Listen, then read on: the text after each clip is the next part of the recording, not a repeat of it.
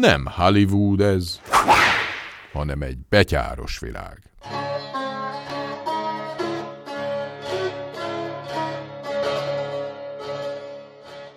Mi alkalmazkodás Magyarországon?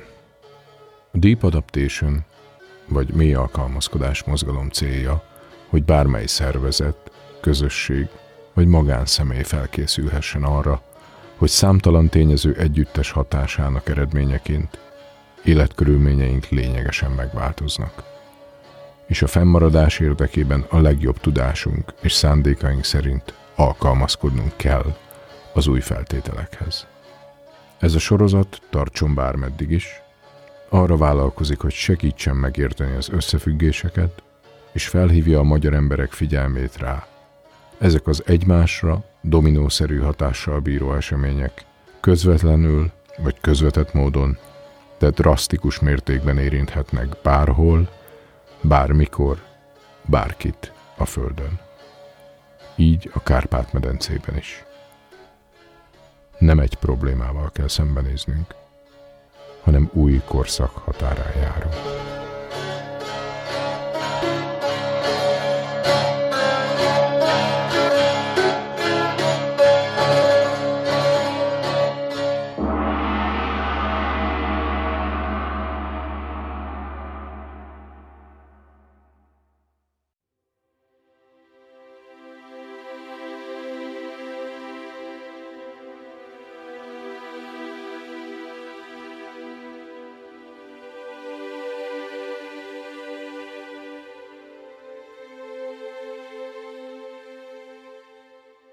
Tudatosulás lépcsőfokai.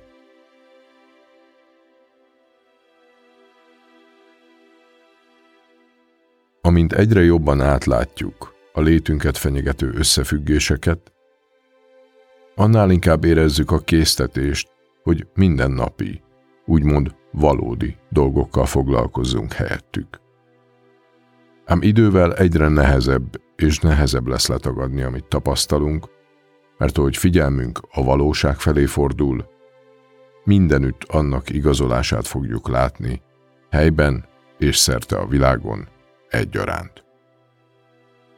Amikor a kibontakozó globális válság megértéséről van szó, úgy tűnik, hogy mindannyian elférünk valahol a tudatosság folytonossága mentén, amelyet nagyjából öt szakaszra oszthatunk. Ezek a következők. Édes tudatlanság.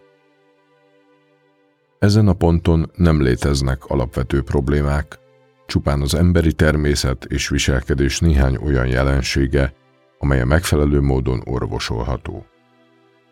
Az emberek, akik ebben a szakaszban élik az életüket, hajlamosak boldog közönnyel élni azt, valódi, fontos dolgokon bosszankodni, vagy éppen örvendezni. Egy komoly probléma felismerése.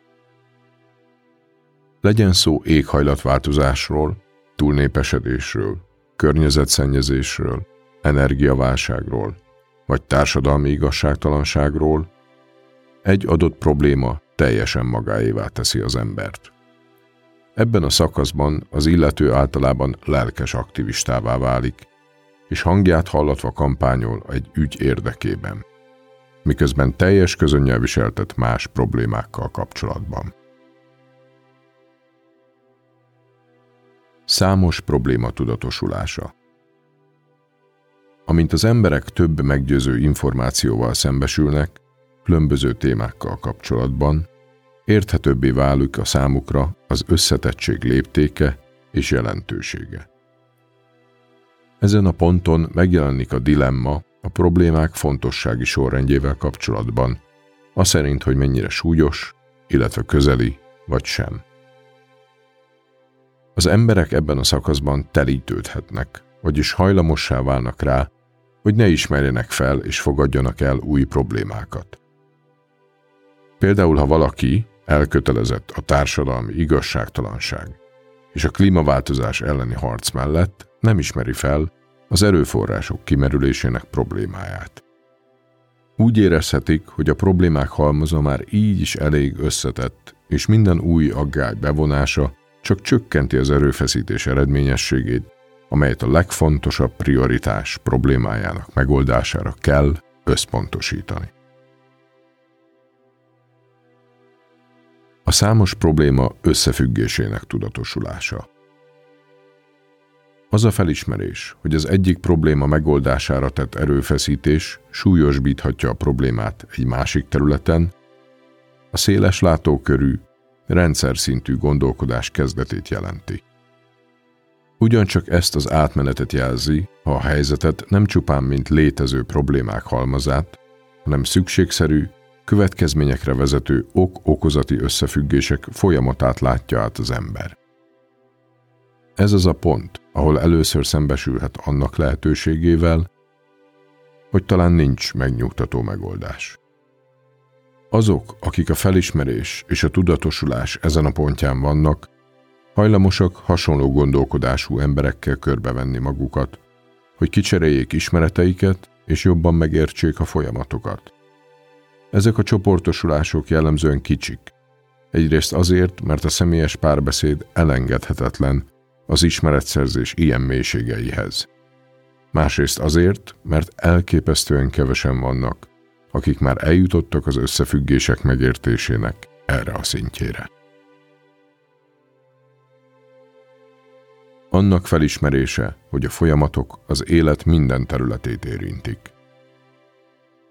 Ez magában foglalja mindazt, amit és ahogyan teszünk. A kapcsolatunkat egymással és a bolygó többi élőlényével, vagy éppen fizikai valóságával.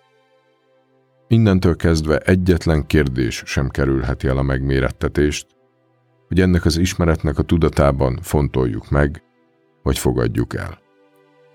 A megoldás fogalma egészen más értelmet nyer. Nem lesz többé központi kérdés, sőt, egy olyan dologgá válik, ami nem éri már meg a rápazarolt erőfeszítést. És hol vagy te most ezen az úton?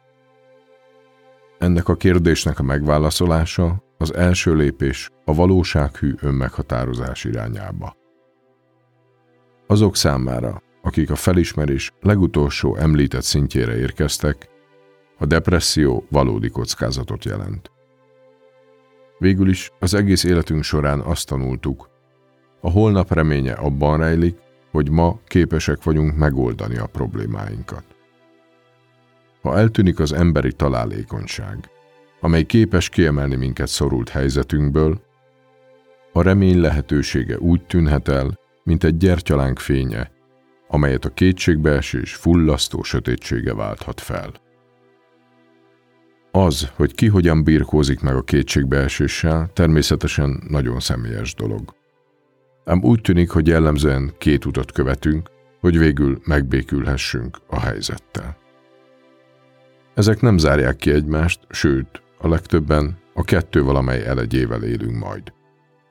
Ezt nagyban meghatározza úgy a lelki és szellemi érettség, ahogy az ember személyisége is. Cselekvő vagy szemlélő típus. Felkészül és alkalmazkodik, vagy megbékél és elfogad. Hiszen bárki hozhat az életével kapcsolatban bármilyen döntést szabadon. Kevésbé, ha szülő. És az nem jó vagy rossz, hanem az ővé. De ezt csak annak fényében teheti meg hitelesen, ha tisztán szembenézett a valósággal, és azt szem előtt tartva határoz így vagy úgy. Ahogy az idő halad, és a folyamatok kibontakoznak majd a szemünk előtt, egyre többen fognak tanácstalanul, kérdéseikkel fordulni felénk. És hogy akkor hányan leszünk, akik támaszt jelenthetnek a másiknak, bizony sorsdöntővé válhat.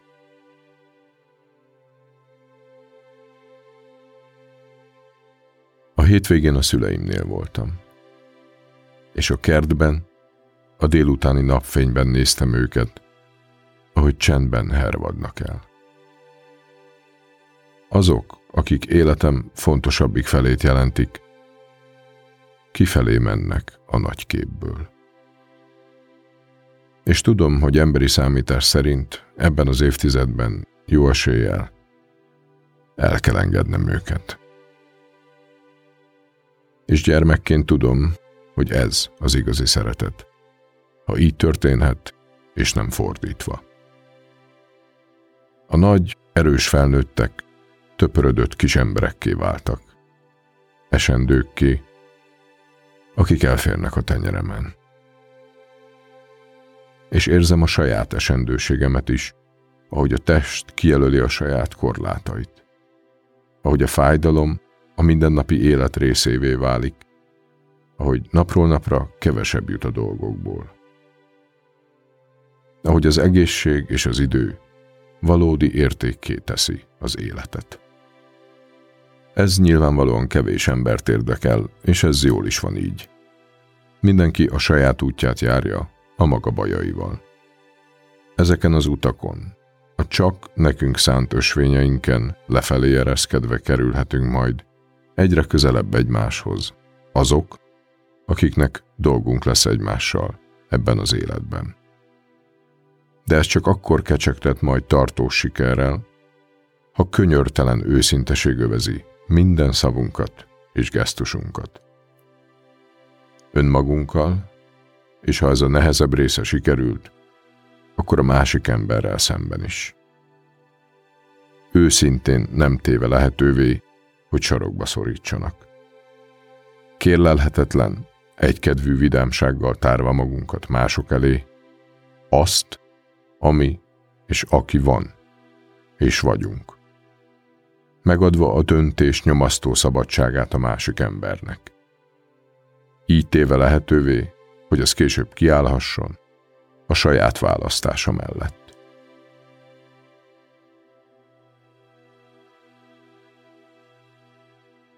Egy világban, ahol az egyre kevesebb lesz az új több, készülnünk kell a minőségi időre, amit még megnyerhetünk.